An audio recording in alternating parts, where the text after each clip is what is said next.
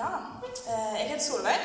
Jeg er 29 år og går andre året på sykepleie. Jeg har gått her i salen i ja, det har jeg glemt. Fire år, kanskje. Fem, fire, ja, noen, noen år. Eh, ja. Syns det er veldig kjekt å um, få være her på Viken. Gleder meg. Um, mm. Jeg har lyst til å be litt. Kjære Gud, takk for at vi har fått kommet ut her eh, på Viken. At vi skal få dele tid sammen som menighet. Jeg ber om at det må bli en helg hvor vi kan få komme nærmere deg og nærmere hverandre. Takk for turen ut gikk fint.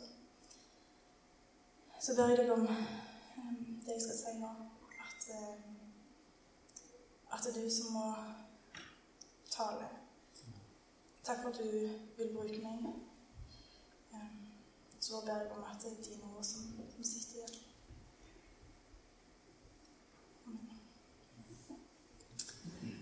Eh, denne høsten ble litt annerledes enn jeg hadde planlagt. Eh, ja, man kan jo ikke planlegge livet sitt så veldig, men jeg prøver så godt jeg kan. Eh, og jeg visste på forhånd at studiet dette året kom til å bli hardt. Det kom til å bli mye, eh, og mye på kort tid. Og ja, jeg var innstilt på ganske, en ganske stressende høst. Eh, sånn at jeg gjorde som jeg pleier å gjøre når jeg vet at jeg har noe stressende for meg. Jeg lager lister. Eh, og planer. Og der er jeg ganske god. Eh, det er ikke alltid disse planene er veldig realistiske, men eh, de er nå i hvert fall der. Eh, og ja, jeg tenker da er noe å strebe etter hvis de er litt urealistiske. Og så tenker jeg at da har jeg i hvert fall litt kontroll. Um, så har jeg også med årene, og Dette har jeg gjort i mange år. Uh, men har jeg med årene lært at det, det, kan være lurt å ta høyde for at det kan komme til å skje ting som jeg ikke kan planlegge. Så det har jeg gjort. Jeg har lagt inn buffere, sånn én, to, tre uker ekstra i tillegg. Som i tilfelle jeg skulle bli syk. I tilfelle Ja. Um, så, så endrer jeg planene mine i forhold til det som skjer. Um, så sånn jeg skjønner, så er jeg ganske glad i å ha kontroll over sånne ting. Over de tingene jeg kan ha kontroll over sjøl. Om andre har kontroll, det bryr meg ikke så veldig mye. Eh, så lenge jeg lurer meg sjøl til å tro at jeg har kontroll. Um, og er det noe som stresser meg, så, er det det jeg gjør. Jeg lager lister. Um, stresser jeg over økonomi, så lager jeg et budsjett. Stresser jeg over hva, ja, hva jeg skal ha med på tur, så lager jeg pakkeliste. Um, ja. Og så gjør jeg òg rundt ting som stresser meg i livet. Hvis jeg har dårlig sjølbilde en dag, så lager jeg en liste. Hva er positivt med Solveig? funker. Eh, så må jeg ikke lage bare negativt med Solveig, for den blir ofte ganske lang. Eh, men sånn, jeg, jeg, gjør dette her, jeg gjør det fordi at jeg, jeg tenker da får jeg kontroll over situasjonen. Eh, og på mange måter så gjør jeg det. Jeg ser kanskje at problemet ikke er så stort som jeg tenker at det er. Eh, og det ja, Jeg føler jeg har løst problemet, eller i hvert fall laga en plan A, B, C, D, E, F. Ja. Eh, og så går det greit. Men samtidig så tenker jeg jo at jeg ber eller jeg ber til Gud, og så tenker jeg at jeg har vært flink på å liksom legge ting i Guds hender. Og ber jo på en måte om de tingene som skal skje. Eh, fordi jeg har veldig lyst til at Gud skal være en del av hele livet mitt. Eh, men så tror jeg jeg har tatt meg sjøl at jeg legger nok mer Jeg planlegger nok litt sjøl først. Og så sier jeg, kjære Gud, vær med på denne planen. Håper den funker. Men den høsten så oppdaga jeg med meg sjøl en ting som jeg kanskje visste innerst inne. Eh, for denne høsten så skjedde det noen ting som jeg ikke kunne forutse. Eh, som jeg ikke hadde tatt med i plan A, B, C, D, E. Eh, det var noen i min nære omgangskrets som vi plutselig fikk beskjed om at kanskje var alvorlig syk. Vi visste ikke. Eh, og for meg, det å ikke vite er noe av det verste. Eh, og det å ikke ha kontroll er noe av det verste. Eh, og jeg sto og plutselig overfor et problem der jeg ikke kunne kjenne på kroppen sjøl Er jeg frisk nok i dag til å kunne gjøre dette? Jeg, ja, jeg kunne ikke fikse det sjøl. Jeg kunne ikke forstå problemet sjøl.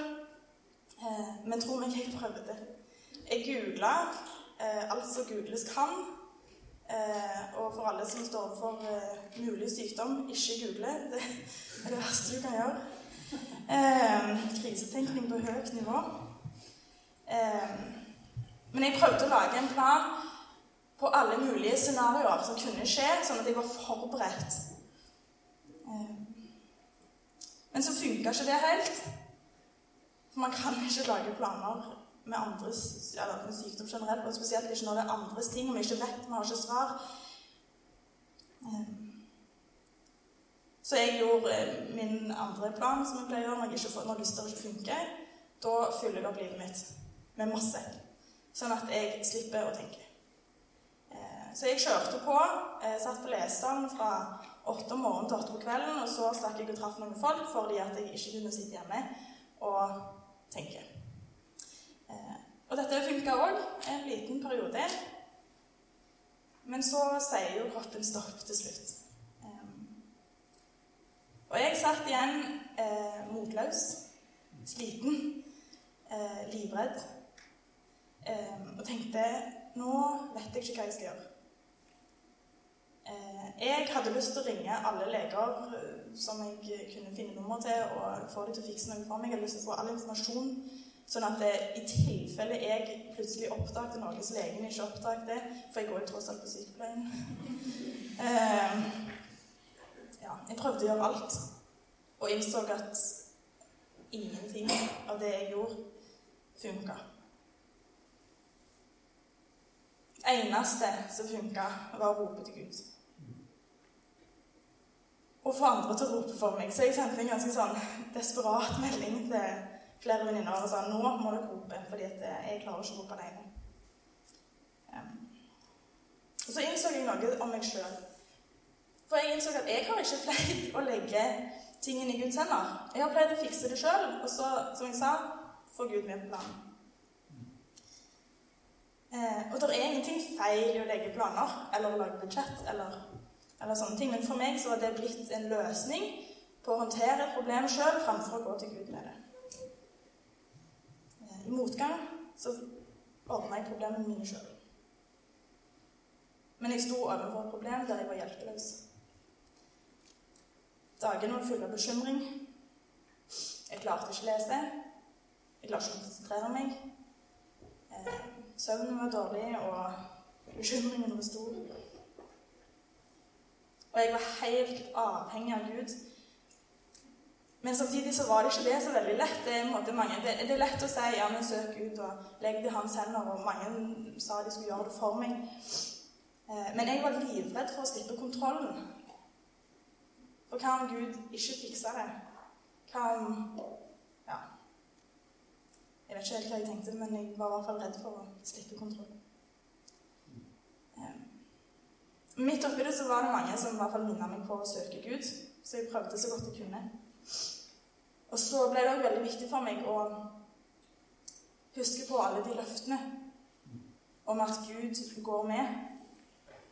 Um, og så har jeg satt meg ned, og så var jeg på måte bare googla bibelvers som handler om motgang, eller som går hjelp i motgang. Og det er så utrolig mange av dem. Frykt ikke, for jeg er med deg. Vær ikke redd, for jeg er din Gud. Jeg gjør deg sterk. Og jeg hjelper deg, og jeg holder deg oppe med min, min rettferds høyre hånd. Jesaja 41, 41,10. Herren sjøl skal gå foran deg. Han skal være med deg. Han svikter deg ikke og forlater deg ikke. Vær ikke redd og mist ikke motet. 5. Mosebok 31,8. Og nå så sier Herren, som skapte deg, Jakob, som forma deg, Israel. Vær ikke redd, jeg har løst deg ut. Jeg har kalt deg ved navn. Du min. Går du gjennom vann, går jeg med deg. Gjennom elver så skal de ikke flomme deg. Går du gjennom ild, så skal, ikke, skal de ikke svi deg. Og flammen skal ikke brenne deg. For jeg er Herren din Gud, Israels hellige, som frelser deg. Jesaja 41, 1-3. Nei, 43, 1-3. Herren er mitt berg og min borg og min befrier. Min Gud er klippen der jeg søker ly. Han er mitt skjold og min frelse, min styrke og mitt vern. Min tilflukt, min frelser, som frir meg fra vold. 2. Samuel 22, 2-3. I min nød kalte jeg på Herren. Jeg ropte til min Gud. Han hørte meg fra, mitt, fra sitt tempel, og mitt rop nådde hans øre. 2. Samuel 22, 7. Kall på meg på nødens dag, så vil jeg utfri deg, og du skal gi meg ære. Salme 50, 15. Kom til meg, alle dere som strever og bærer tunge byrder, og jeg vil gi dere hvile. Matteus 11, 28. Fred etterlater jeg dere. Min fred gir jeg dere, og ikke den fred som verden gir. La ikke hjertet bli grepet av angst og motløshet. Johannes 14, 27. Ehm, jeg kunne fortsatt lista. Det var mange flere. Men eh, ja, Det er så utrolig mange løfter om Gud som går med, Gud som lover å være med oss i motløshet og frykt og angst og det som bekymrer oss. I tillegg så er det et vers eh, som har blitt brukt mange ganger. Eh, som, er, som jeg i hvert fall har hørt opp gjennom årene mange ganger. Eh, fra 5. Mosebok 33, 25. Som dine dager er, skal din styrke være. Eh, når jeg var yngre, så var dette et sånt vers som jeg tenkte det, det er det dummeste verset jeg vet om. Eh, dette fatter jeg ikke. For det ga ikke mening, syns jeg. For jeg tenkte at det betydde at hvis du har drittdager, så kommer du til å ha drittstyrke. Eh, og hvis du har gode dager, så har du god styrke. Eh, sånn at det var liksom ikke, Jeg så ikke helt trøsten i liksom å si at når jeg hadde en dårlig dag, så hadde jeg like dårlig styrke. Eh, men så var det noen som heldigvis var glad for dette verset og som kunne fortelle meg om en Gud som Når jeg var svak, så var han sterk. Når jeg ikke har krefter, når jeg kjenner meg svak og maktløs, så vil Gud gi meg den styrken jeg trenger. Og De siste ukene og månedene har jeg fått se det i praksis. Eh, jeg har fått godt, eller fått godt Jeg gikk på tomgang. Jeg har vært motløs og livredd. Men Gud har kommet med en styrke til å fortsette med studier, gitt meg ro til å slappe av eh, når jeg var alene. Gitt meg håp om at ting kanskje ikke er så gale som jeg kunne være redd for. Selv om jeg ikke vet. Eh, og til og med ro til å ikke ha behov for å ha kontroll over situasjonen. Eh, så følte jeg òg at Gud minnet meg på en historie som jeg hørte for mange år siden. Eh, og det kan være noen av dere Jeg har sikkert fortalt den til noen, og så kan dere ha lest den òg. Jeg ja, siterer den litt fritt, for jeg husker ikke alle detaljene, men innholdet er det samme. Det var en kristen som var forfulgt. Eh, han var blitt satt i fengsel for troen sin. Trua og pint. Eh, men det ble gitt løfter om at hvis han sa fra seg troen sin, hvis han ga opp Jesus som herre, Eh, så skulle han bli sluppet fri. Han nekta og ble til slutt satt i et bitte lite rom, eller en kasse, husker jeg ikke sånn, men ja, et lite rom i hvert fall. Veldig trangt, veldig fælt. og det var ikke mye mat og drikke å få. og han forteller om et øyeblikk hvor han til slutt bare la seg ned for å dø. Han sa han var helt tom for krefter for livsmot, for alt. Og så forteller han at plutselig, midt i det mørket og midt i den tomheten, så ble rommet fylt av et eh, stort lys. Og han skjønte at det var Jesus. Og han kjente at Jesus ga han styrke og fulgte rommet og han. Og så sier han det at grunnen til at Jesus ble så synlig for meg, var fordi at det var ikke noe annet der som kunne ta hans plass. Og så er ikke det en sånn situasjon som de fleste av oss vil komme opp i. Eh, men jeg kan likevel kjenne meg igjen i noe av det han sier. For jeg merker hvor lite plass jeg gir Gud når jeg fyller opp livet mitt med skole og TV-serier og fritid og venner. Um, og ikke minst bekymringer. Uh, og så merker jeg at det, nå i høst så ble det å la Gud få ta styringen og plassen noe som ble helt grunnleggende viktig.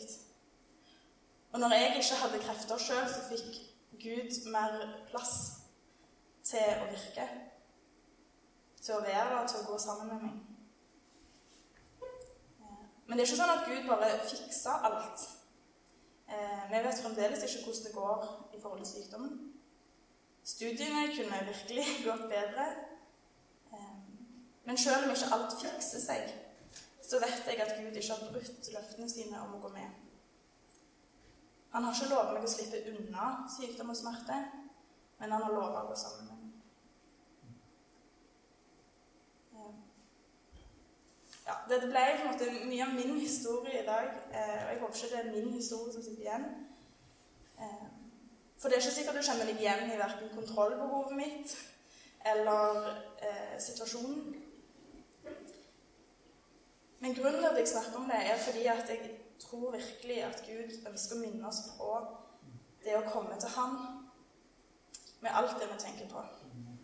Og jeg håper at andre kan komme til Gud litt før det jeg gjorde. At det ikke trenger å være når, når du kjenner nå har ingenting annet, men at du kan komme til Gud sjøl om du har litt krefter sjøl, sjøl om du kan fikse det sjøl, tenker du. Men hvis du syns det er vanskelig, så ikke gi opp på det, men be. Og øv deg på å legge det du bekymrer deg for eller tenker på, over Gud. For min del så betyr det ikke at jeg ikke kommer til å fortsette å lage leseplaner eller ha budsjett. Og det tror jeg er lurt. Men jeg ønsker å ta Gud med meg inn i det. Så håper jeg òg at det, dere òg kan få se og kjenne på at Gud går med i det dere går gjennom, om det er stort eller lite. Og jeg oppfordrer dere virkelig til å legge det i Guds hender. Jeg har lyst til å be. Kjære Gud, takk for at du har gitt oss så ufattelig mange løfter om at du skal gå med oss, at vi ikke trenger å bekymre oss og være redde når vi går sammen med deg. Takk for at selv om ikke livet alltid blir sånn som vi har tenkt, og selv om vi går gjennom vanskelige ting, så, så er det der.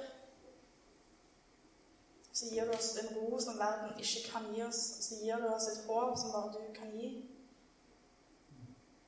Gud, jeg ber om at det er jeg og alle vi som går i Salem, at vi må få se og virkelig forstå det. At vi klarer å legge alt på deg, Gud. At du kan få vise hvor stor du er, hvor mye du elsker oss. Og at vi kan få legge fra oss alt det som bekymrer oss, og alt det som vi fyller tida vår med, som ikke nødvendigvis eller som tar din plass, Gud. Og Jeg ber deg om at denne helga her må få være en ny start for mange av oss, der vi kan få påfyll. Der vi kan få dra hjem og ja, gå med nytt mot inn i hverdagen. Velsignelsen av kvelden og helga.